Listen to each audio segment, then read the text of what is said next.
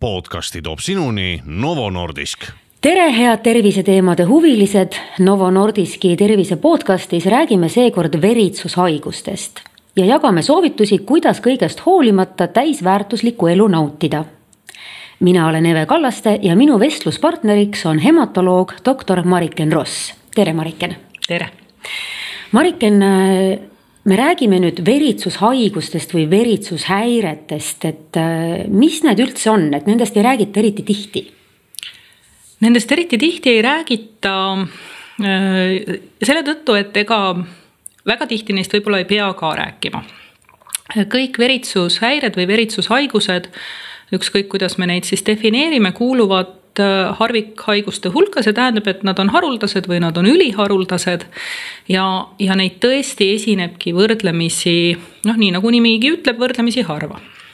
Äh, mida nad kõik niimoodi ühe suure grupina tähendavad, tähendavad nad siis mingisugust sellist äh, haigust või, või seisundit, mille puhul veri normaalselt ei hüübi.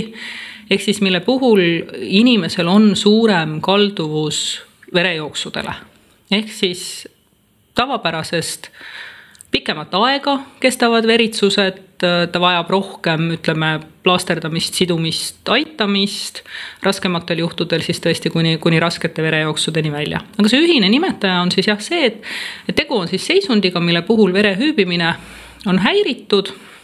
just siis sinnapoole, et ei teki mitte, mitte nagu trombile või trombiohtu, vaid vastupidi, et tekib siis verejooksu oht on see siis nii, et näiteks teatud äh, inimestel, kellel see haigus on, et nende jaoks on nagu iga väike trauma päris suur oht? nii ja naa, äh, veritsushäireid jagatakse erinevatesse gruppidesse ja neid jagatakse nendes erinevates gruppides ka raskusastmetesse. ehk siis, äh, kui me räägime, et nad on tõesti harvik või, või ultraharvikhaigused, siis ähm, noh, ütleme näitena äh, on, on olemas, eks ju, hemofiilia, mis on üldiselt võrdlemisi tuttav terminoloogia ja sellest on inimesed kuulnud. on olemas von Willebrandi tõbi, mis on ka mõnevõrra nagu tuttavam nimi ja mis siis kõik iseloomustuvad veritsustega. aga sellesama ühe tõve all või ühe nimetaja all võib olla nagu hästi erinev haiguste skaala. ehk siis sa võid olla hemofiilia haige, mille puhul sul siis on puuduolev üks konkreetne valkhüübimiskaskaadist, teda on vähem, kui seal peaks olema. aga kui see haigus on sellises nagu võrdlemisi kerges raskusastmes, äh, siis tegelikult igapäevaelu ta ei sega. igasugused, no lõikad näppu, noh, paned plaastri peale, kukud põlved katki, tõused püsti, klopid puhtaks, pesed külma vee all üle, jooksed edasi.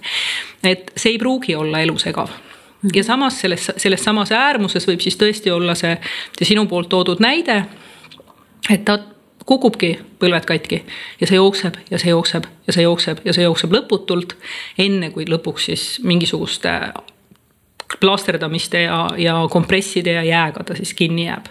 miks ma seda küsisin, et kas iga väike trauma võib siis olla tegelikult nagu suur trauma, ma mäletan, kui minu lapsed olid väikesed, siis ma olin ühega neist Tallinna lastehaiglas ja seal hoovi peal ma ajasin juttu ühe teise emaga, kes oli seal oma väikese lapsega. ja nemad ütlesid, noh, ema ütles, et nemad elavad siis Märjamaal ja, ja neil on just nii, et iga kord, kui laps natukenegi hoovis kukub ja veri lahti on, nad peavad tulema Tallinnasse sest mitte kuidagi see veri kinni ei jää. ja, ja et mõnikord on see päris keeruline, sest oma autot neil ei ole ja, ja isegi kiirabi ei taha uskuda, et, et mis mõttes, et kukkus põlve katki ja nüüd tahate Tallinnasse minna.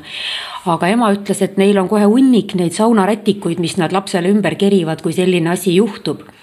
ehk siis kas see võib ka praegu nii olla või on aeg nii palju edasi läinud, et sa tohid elada ka ütleme keskusest väljaspool, kui sul on selline probleem?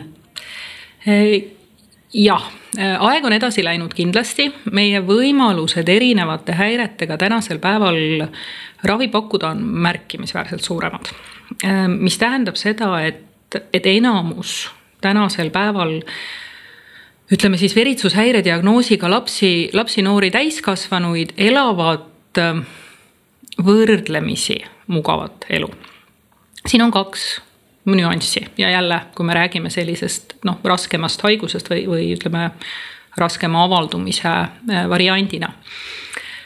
üks on see, et meil on silmapiiril kusagil tulevikus geeniravi, aga, aga praegu seda selliselt kättesaadav veel ei ole me loodame, et ta tuleb, aga kui ta tuleb, ta tuleb täiskasvanutele, lastel neid katseid tehtud ei ole, neid uuringuid. ja selle tõttu lastele seda geeniravi veel ei tule. see tähendab seda, et praegusel hetkel, kui me tahame seda last nüüd aidata või kui me tahame neid inimesi aidata, jälle see natukene sõltub haigusest, aga selle konkreetse noh, jälle hemofiilia puhul, kus sul on, eks ju, see konkreetne faktor puudu või konkreetne, võib öelda, et lüli sellest siis hüübimiskaskaadist puudu siis seda lüli me saame asendada selliselt, et, et ta tulebki süstida vereringesse. meil on see faktor olemas pakendatud kujul, tuleb lahjendada, tuleb süstida. Täiskasvanud meie omadest suudavad enamuses ise sellega kodus hakkama saada. see tähendab veenisüsti, ehk siis see ei ole mitte see lihasesse tehtav, mille sa saad üsna suvaliselt lükata, vaid sa pead suutma tõesti ilusasti veeni välja punkteerida ja sinna veeni sisse seda rohtu süstida lastel on see lihtsalt tehniliselt keeruline ja on lapsevanemaid, kes oskavad ja saavad ise oma lapsed kodus süstitud. aga on ka neid peresid, kus noh, see lihtsalt ei, käib lapsevanemale üle jõu. Ja siis on erinevad variandid. on võimalik panna selline püsi, püsikanüül või püsi, ütleme, veenitee mis asubki naha all, mis on selline pisikene kambrikene ja mis on kohe tuntav ja mis ei taha siis mitte enam veeni punkteerimist, vaid lihtsalt seda, et sinna kambrikesse tuleb see nõel sisse panna, see on tehniliselt oluliselt lihtsam. ja on ka tänapäeval siis sellised ravimid, mis, mis enam ei nõua veeni punkteerimist, vaid mida saab teha umbes nagu suhkrutõve korral insuliini siis nahaalusi. noh, mis ka on tehniliselt lihtsalt niivõrd palju kergem et äh, sellega üldiselt saavad kõik lapsevanemad ise hakkama lastest me oleme nüüd veidi rääkinud, kellel on selline probleem, äh, kuhu me tahame jõuda, on naised ja veritsushaigused. aga enne ma küsin, et miks seda üldiselt peetakse pigem nagu meeste haiguseks või meeste probleemiks, et mis see soo erinevus on siin mingisugune? Äh, see soo erinevus on seesama, mida me ise hmm, kaudselt genereerime noh, ka mõistetavatel põhjustel, ehk siis see soo erinevus tuleb nüüd sellest samast äh, grupist või sellest samast haiguste nimetusest äh, nagu hemofiiliast. Äh, nii nagu ma ütlesin, veritsushäireid või veritsushäirete gruppi kuulub tegelikult palju erinevaid haigusi aga nendest siis osa moodustavad ka hemofiilia A ja B, noh, on olemas ka hemofiilia C, aga see on üliharuldane. aga hemofiilia A ja B on siis haigused, kus on puudu kaheksas ja üheksas faktor. ja need haigused on oma pärilikus mustris nüüd selliselt, et nad päranduvad X-kromosoomi pidi. Nad on X-liitelised haigused. kuna naistel on kaks X-kromosoomi, ta saab ühe emalt, ühe isalt, siis isegi kui ühes on muutus suure eeldusega teine on terve. ja selle tõttu naistel haigus väljendub kergemini. poisid, kui neil on hemofiilia nii-öelda see X-kromosoom, milles on hemofiilia seoseline muutus, siis ta on hemofiilia haige. ja sellest siis tuleneb nagu see kaudne selline üldistamine, et et nagu siis kõik veritsushäired oleksidki sellised, tegelikult ei ole, von Willebrandi tõbi ei, ei diskrimineeri üldse meeste-naiste vahel, seda võib esineda võrdselt. samamoodi teised veritsushäired. aga ühelt poolt tuleb see üldistamine siis sealt ja teiselt poolt, eks me seda ise ka nagu selles mõttes õpetame, et, et kui me nüüd mõtleme oma üheksanda klassi bioloogiaõpikute peale näiteks ja siis need kromosoomid ja pärandumismustrid ja siis täpselt samamoodi õpetatakse seda pärandumismustrit hemofiilia näitel. Ja siis Romanovite suguvõsa ja äh, tsaari pere ja, ja kuninglikud, ähm, kuninglikud siis suguvõsad. et äh, mis kõik on õige iseenesest, aga, aga selle kõrval ei tohiks ära unustada, et et on palju haigusi, mille puhul naised on täpselt samavõrra ohustatud. Ja teine, mida me tänaseks ka teame, on see, et esiteks hemofiiliat, ähm, ka hemofiilia kandjad naised, ehk siis need naised, kellel on üks muutunud kromosoom ja üks tavaline kromosoom, ei ole päris terved. ehk siis nad tegelikult ikkagi võivad ka olla hemofiilia haiged. Äh, teine küsimus on see, et on ka naisi, kellel on mõlemad kromosoomid muutunud. ja sellisel juhul meil on raske hemofiiliaga naised. üks põhjus on see, et see võib olla ise tekkinud, selline nii-öelda de novo mutatsioon teine on nüüd küsimus, et kui kokku saavad hemofiilikust mees ja naine, kes on hemofiilia kandja, aga ta ei tea seda, siis seal võivad sündida ka raske hemofiiliaga tütred mm. -hmm. nii et tänaseks päevaks, kui me meeste puhul nagu võtame seda kontseptsiooni rohkem omaks, siis naised on nagu jäänud natukene tahaplaanile. kuigi tegelikult ütleme, sellises laias vaates kannatavad naised veritsushäirete all rohkem.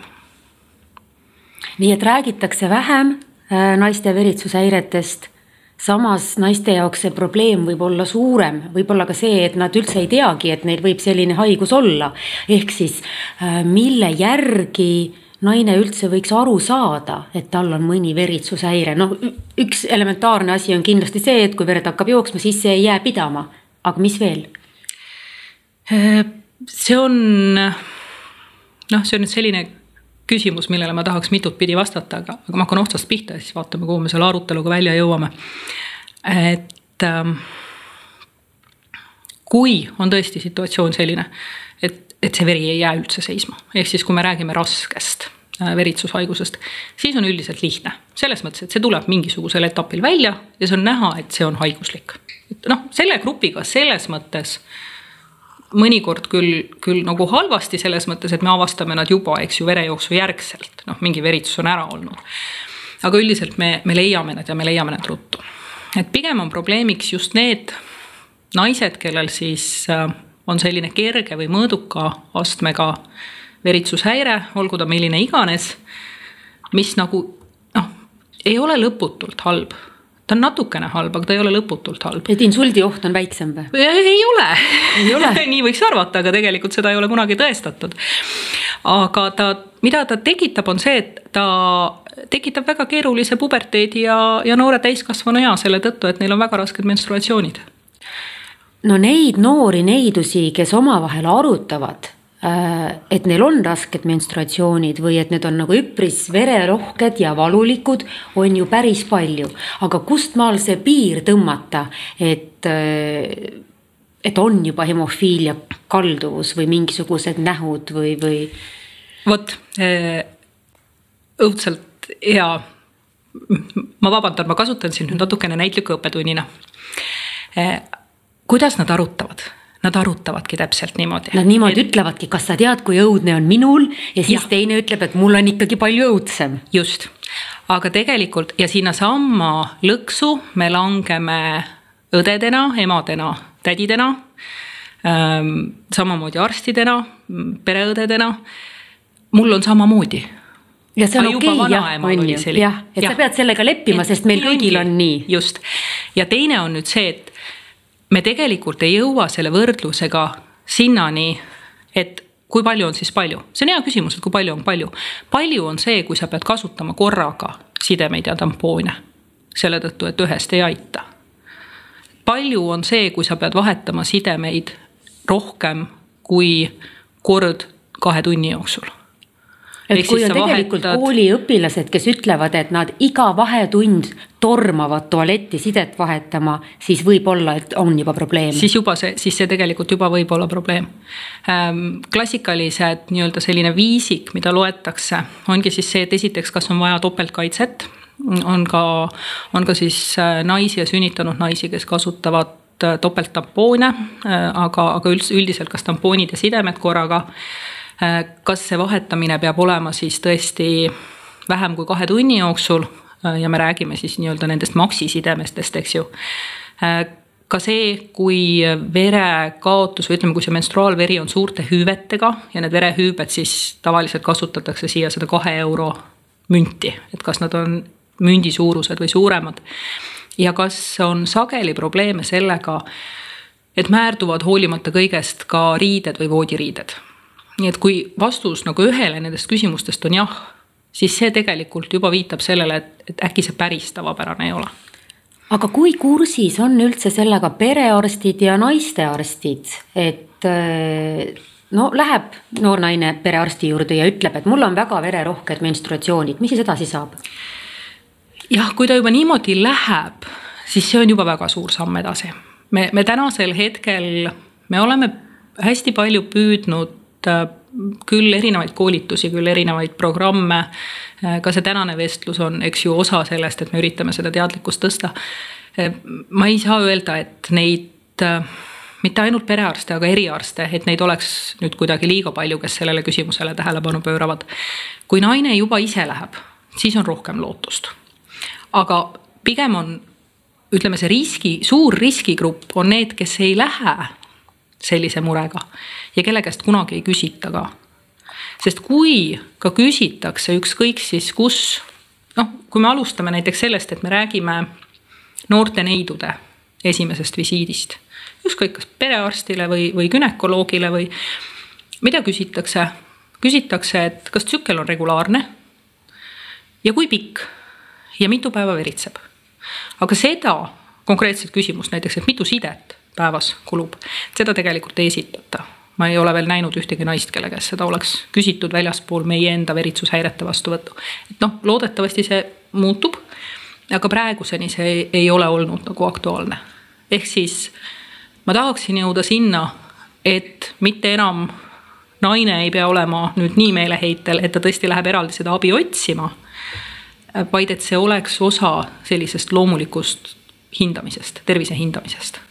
Et see teadlikkus seda. ikkagi Just. tõuseks. Äh, et see asi võib olla probleem, mitte nii, et meil on suguvõsas alati nii olnud Just. ja järelikult on sul ka. just. no aga kui on selline juhtum et suguvõsas on alati nii olnud ja naisele öeldakse, et noh, sul on ka sellesama asja pärast. Äh, kui kriitiliseks või kui halvaks võib see olukord minna, et kas on lihtsalt, et inimesel on nõrk olla suurest verekaotusest või võib see olla ka tõsisem äh, terviseprobleem? Ähm, mõlemat pidi, äh, millal või mis on selline krooniline häda ongi siis see, et, et kuna see verekaotus on nagu organismi jaoks liiga palju ikkagi just nimelt see, see menstruatsiooniaegne verekaotus. Äh, siis reeglina nad kannatavad mingis vormis aneemia all ehk siis madala hemoglobiini sisalduse all. Äh, ja see tuleb üle selle, et rauavarud ei taasta ennast ära, ehk siis see, see seisund, mis neid suuresti nagu häirib, on rauavaegusaneemia. Äh, rauavaegusaneemia on jällegi mitte ohtlik, aga ääretult ebamugav seisund, millega elada ta tekitab keskendumisraskuseid, haavad ei parane hästi, küüned ja juuksed on haprad, nahk läheb kuivaks, lõhenevaks, pisut rohkem võib-olla või varem kortsu kui tavapäraselt. ta, ta tegelikult segab sellist normaalset elukvaliteeti. see on üks külg. teine külg, mis on oluliselt murettekitavam meie jaoks, on see, et nende naiste jaoks on ohtlikud sünnitused. ja, ja sünnitus iseenesest kulgeb või võib kulgeda tavapäraselt, aga sünnitus, sünnitusjärgne verejooks on midagi sellist, mis võib olla nagu tõeliselt eluohtlik. ja täpselt samamoodi, kui nad satuvad näiteks erakorraliselt mingisugusele operatsioonile, siis ka see võib olla eluohtlik, sest me ei oska hinnata seda organismi nii-öelda nihet äh, veritsuse suunas. Ja see tähendab, et, et ka erakorraline operatsioon või, või ka planeeritud operatsioon, mille eelselt pole hinnatud, et, et kui kõrge see veritsusrisk on, võib tegelikult lõppeda väga raske verejooksuga. No kui me nüüd natuke läheme tagasi selles, mis sa just praegu rääkisid, siis jah, veritsushäiretest räägitakse vähe ja, ja tegelikult ju räägitakse päris vähe sellest, eks ole, ka Äh, kui suur see menstruatsiooniaegne veritsus on. küll aga päris palju räägitakse sellest, et hemoglobiin on madal ja rauavaegus on, aga ma ei ole tähele pannud, et neid kahte asja omavahel väga osatakse seostada. Äh, jah, see on osa sellest teadlikkusest, mida me peaksime tõstma, eks siin on nagu kahte suunda seda äh, mõtlemist selles mõttes, et kui me üldse räägime sellisest definitsioonist nagu raske menstruaalverejooks Äh, inglise keeles on ta siis heavy menstrual bleeding, äh, mis on eraldi nii-öelda definitsioon ja termin, siis oletuslikult selle all kannatab ligikaudu kolmkümmend, kolmkümmend viis protsenti premenopausaalsetest naistest. ehk siis meil on kolmest naisest, kolmest-neljast naisest üks, kelle menstruatsiooniaegne verekaotus tegelikult on, on tavapärasest rohkem. Ja, ja see segab elu sellel võib olla palju erinevaid põhjuseid. seal võivad olla taustal ka mingisugused günekoloogilised iseärasused, hormonaalne mingisugune kõrvalekalle, mis iganes veel. et see ei tähenda, ainuüksi see ei tähenda, et tegu oleks veritsushäirega. aga, aga ütleme, probleem kui selline kindlasti hõlmab väga paljusid naisi. nüüd nende hulgast, sellest kolmekümnest protsendist siis oletuslikult võib-olla kümme protsenti on selliseid, kellel on hüübimisega probleeme. see on hästi oletuslik, sest ei ole maailmas riiki, kus oleks suudetud seda niivõrd hästi kaardistada, et me tõesti väga täpselt teaksime. aga vot need on nüüd need naised, kes me noh, ütleme selle vere hüübimise mõttes peaksime üles leidma. nii et tegelikult võtta nagu summa summarum sellist arvulist hulka hoolimata sellest, et ma räägin või noh, alustasime juttu sellega, eks ju, et tegu on harvikhaigustega. kuna sinna harvikhaiguste gruppi neid igat ühte harvikut, kokkuvõttes on neid nii palju. et siis ta et ei olegi enam nii harva esinev. grupina ta ei ole enam harva esinev. et seda ühte, jaa, tõepoolest, afibrinogeneemia, mis on siis selline häire, kus fibrinogeeni üldse organismis, see on ka üks hüübimisvalkudest, seda organismis ei ole see on ultraharuldane, seda esineb üks juht kahe miljoni kohta. Eestis minu teada ei ole. aga kui me kõik need üksikud kokku loeme, siis ähm, me võime eeldada, et Eestis on neid naisi mitte kümnetes, vaid sadades. ja meie eesmärk loomulikult oleks seda teadlikkust oluliselt tõsta. Äh, Mariken, sina töötadki hematoloogina et kui palju sa oma igapäevatöös äh, pead tegelema sellise asjaga nagu teadlikkuse tõstmine ehm,? jah, ütleme, ega see kohustus ei ole selles mõttes, et ma võiks rahulikult töötada arstina ja, ja leppida sellega, et need patsiendid, kes minu juurde jõuavad, et, et need jõuavad. kuidagi nad jõuavad. kuidagi nad jõuavad ja ma tegelen nende patsientidega. et äh, eks ta meil niimoodi on, et selline üleüldine teavitamine või, või teadlikkuse tõstmine või erinevad siis kampaaniad ja, ja või, või sellised fookuse leidmised, et, et eks need natukene käivad pisut sellist isikliku algatuse ja südametunnistuse rada. et äh, küll aga mina tegelen nende patsientidega palju. Eestis ei ole neid arste jällegi just ülemäära palju, kes veritsushäiretega tegelevad. ühe käe näppudel saab neid üles lugeda. ja, ja Tallinnas siis tõesti hetkel on, on minu ja tänaseks siis doktor Grete Rahuaja vastuvõtud, mis on mõeldud siis spetsiaalselt hüübimishäiretega, veritsushäiretega patsientidele. nii et mina, ma julgen arvata, ta Eesti äh, mastaabis näen neid patsiente praegusel hetkel kõige rohkem, ehk siis minu juures käib neid üldse Eestis kõige rohkem.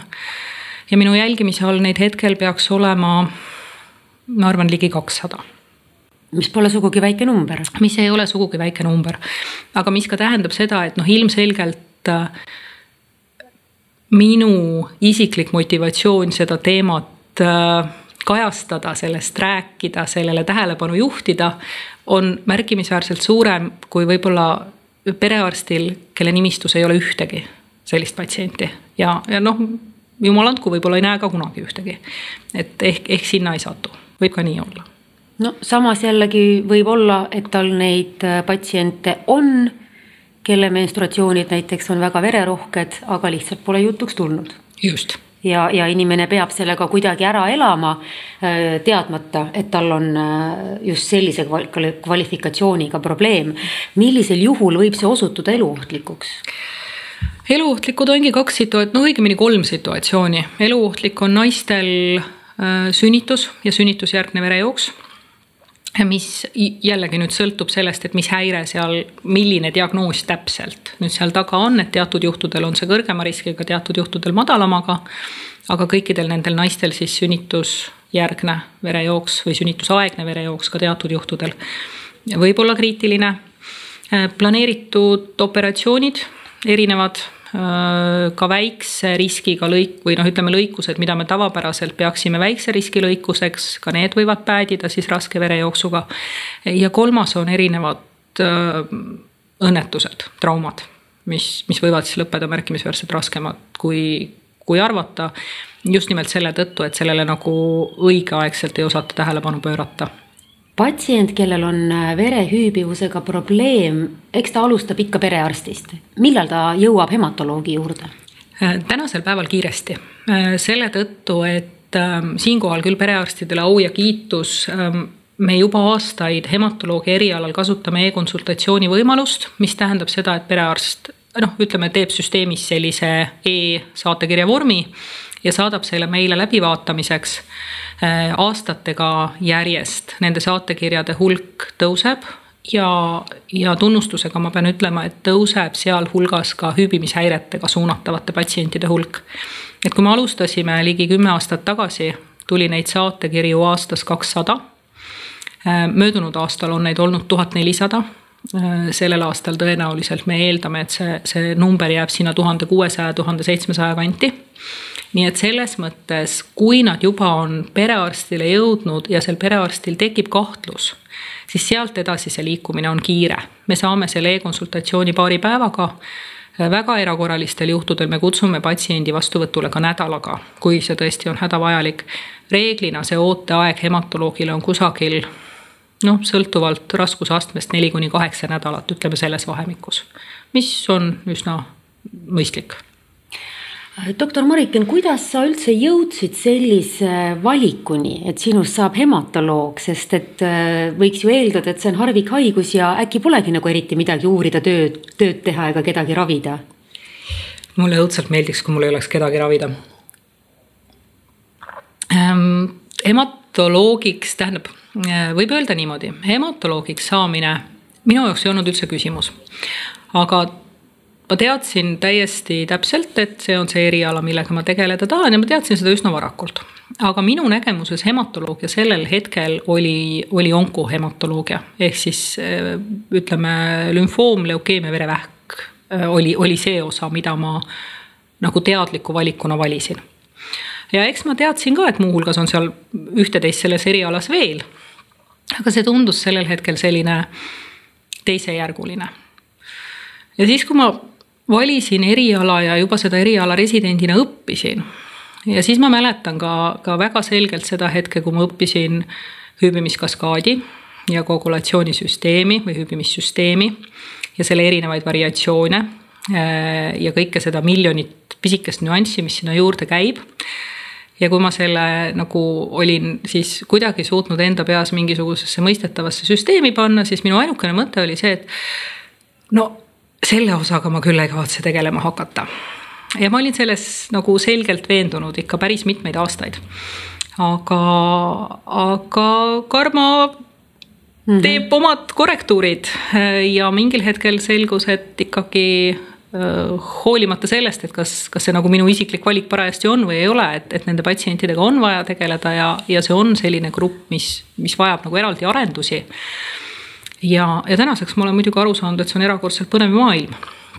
ja täiesti, täiesti väärt seda, et, et sellele eraldi pühenduda ja, ja eraldi tegeleda ja sellega eraldi vaeva näha. aga, aga nii ta ongi, et, et ka nende patsientide jaoks ja ja ütleme sellise laiema kõlapinna leidmiseks ja ta on nii pisikene kübekene sellest suurest meditsiinist, et ta ei, ta ei püüa pilku, ta, ta ei jää kui siia aktiivselt mitte suunata ressurssi. siis noh, meil on niivõrd palju, niivõrd suuremaid probleeme, küll südame-veresoonkond ja infarktioht ja insuldioht ja vähirisk ja, ja kõik see ülejäänu, mis on väga-väga oluline ja kõigele ei jõua kogu aeg tähelepanu pöörata. et ähm, mul on selles mõttes hea meel, et ma selle teema juurde jõudsin, et mulle tundub, et ta on natukene jäänud varju. et äh, nüüd ma saan proovida tuua teda natukene fookusesse. no tegelikult ju meditsiin areneb praegu pöörase kiirusega ja, ja ilmselt sa tahaksid olla veel kümme-viisteist aastat eespool juba nende järgmiste arenguetappide juures. aga kus äh, praegu veritsushäirete ravi äh, omadega on, et kuhu see positsioneerub, et kui kui talutavaks selle veritsushäirega inimese igapäevaelu on praeguseks muudetud? tegelikult tegelikult on hästi. ma saan aru, et natukene nüüd kõlab minu kui arsti seisukohast, ehk siis ma ei ole päris kindel, et ma saan siia laua taha nüüd hirmus palju patsiente, kes ütlevad, et, et kuulge, tegelikult on hästi, et, et nii hästi vist veel ei ole. aga mis on hästi, on tõesti see, et äh, siin on nagu mitu punkti, mida ma tahaks välja tuua äh,.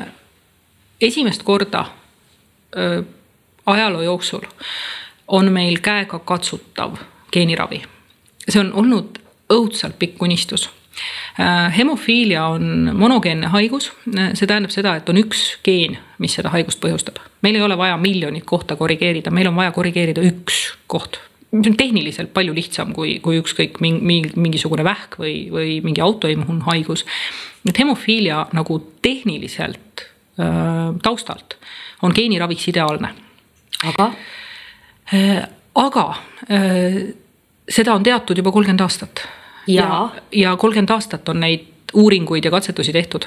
ja siiamaani tegelikult oli see kõik selline nagu utoopiline ja tänaseks päevaks, tänaseks hetkeks me oleme jõudnud situatsiooni, kus Euroopa äh, meditsiiniagentuuris EMA-s on kaks taotlust sees näidustusega geeniraviks. ja suure tõenäosusega need saavad mõlemad registreeritud, ehk siis äh, kaks tuhat kakskümmend kaks on esimene aasta, kus maailmas on olemas registreeritud, kasutatav, rahastatud geeniravi hemofiilia haigetele. see tähendab ühte infusiooni, mille järgselt inimene võiks olla noh, kui mitte terve, siis oluliselt tervem milline see sinu unistus on, et millal sinu patsientideni selline asi võib jõuda? ma arvan, et lähima paari aasta pärast. see ei ole, ta on kulukas, aga, aga hemofiilia ravi on üleüldse kallis ravi, nii et me kindlasti ei räägi siin ütleme üle mõistuse meeletutest summadest ja arvestades, et tegu on tõesti ühega sellistest suurtest imedest meditsiini valdkonnas, siis ma arvan, et ma väga loodan, et selle ravimi, nende ravimite tulek ei ole pikaajaline, nii et ma arvan, et me räägime paarist aastast. aga nagu ma ütlesin, see, see päris kõiki ei päästa, eks ju, et äh, esiteks ei sobi ta lastele teiseks, ta ei sobi ka päris kõikidele täiskasvanud patsientidele ja, ja kolmandaks, ta on ainult konkreetselt hemofiilia puhul. ülejäänud veritsushaigustele ta ei, ei ole seda imerohtu. aga mida me juba praegu suudame pakkuda, tõesti üks asi on see, et järjest rohkem tuleb rahastusse ja turule neid ravimeid, mida saab manustada siis või mida saab süstida subkutaanselt nahaalusi, mis on palju lihtsamad kui, kui tõesti see senine veenisisene süstimine. ja ka need preparaadid, mis meil praegu on või need ravimid, mis meil praegu on, vanasti hemofiilia haige, kui ta tahtis elada enam-vähem normaalset elu, äh, pidi süstima ravimit, ütleme kolm korda nädalas.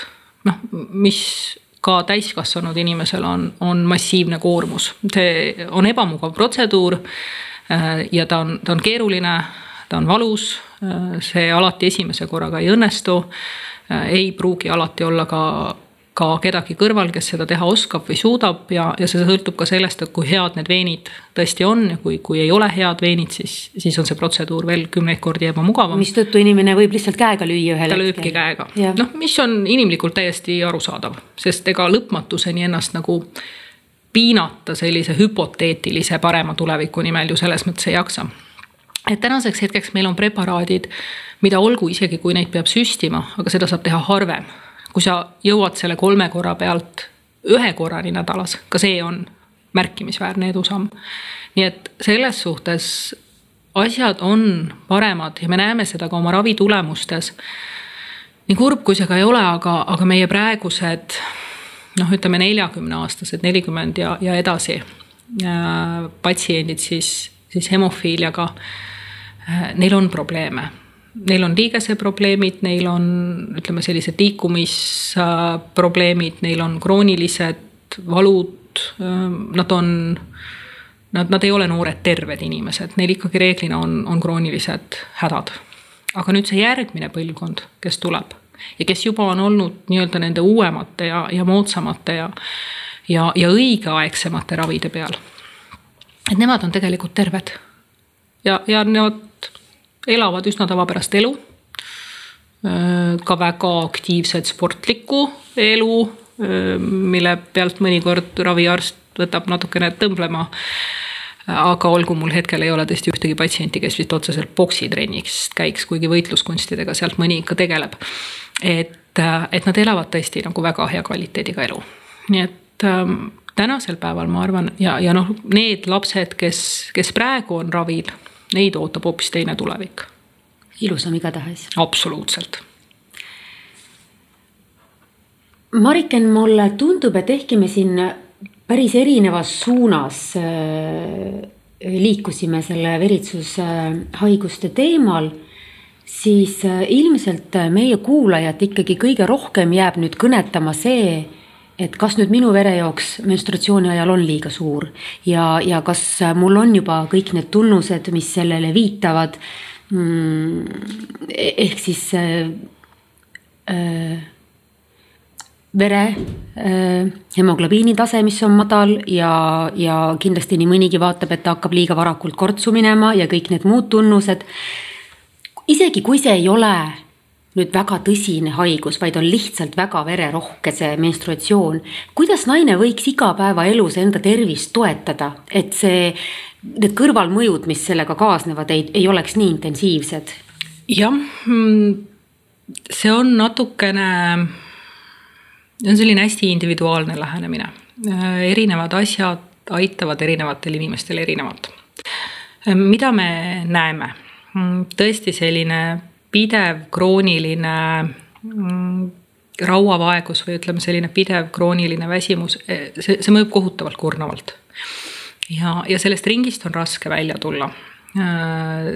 kõige paremini või, või ütleme, kõige mõistlikum, nii tüütu kui see ka ei tundu, äh, on mingil hetkel leppida sellega, et kui asendusravi on vaja, siis on teda vaja.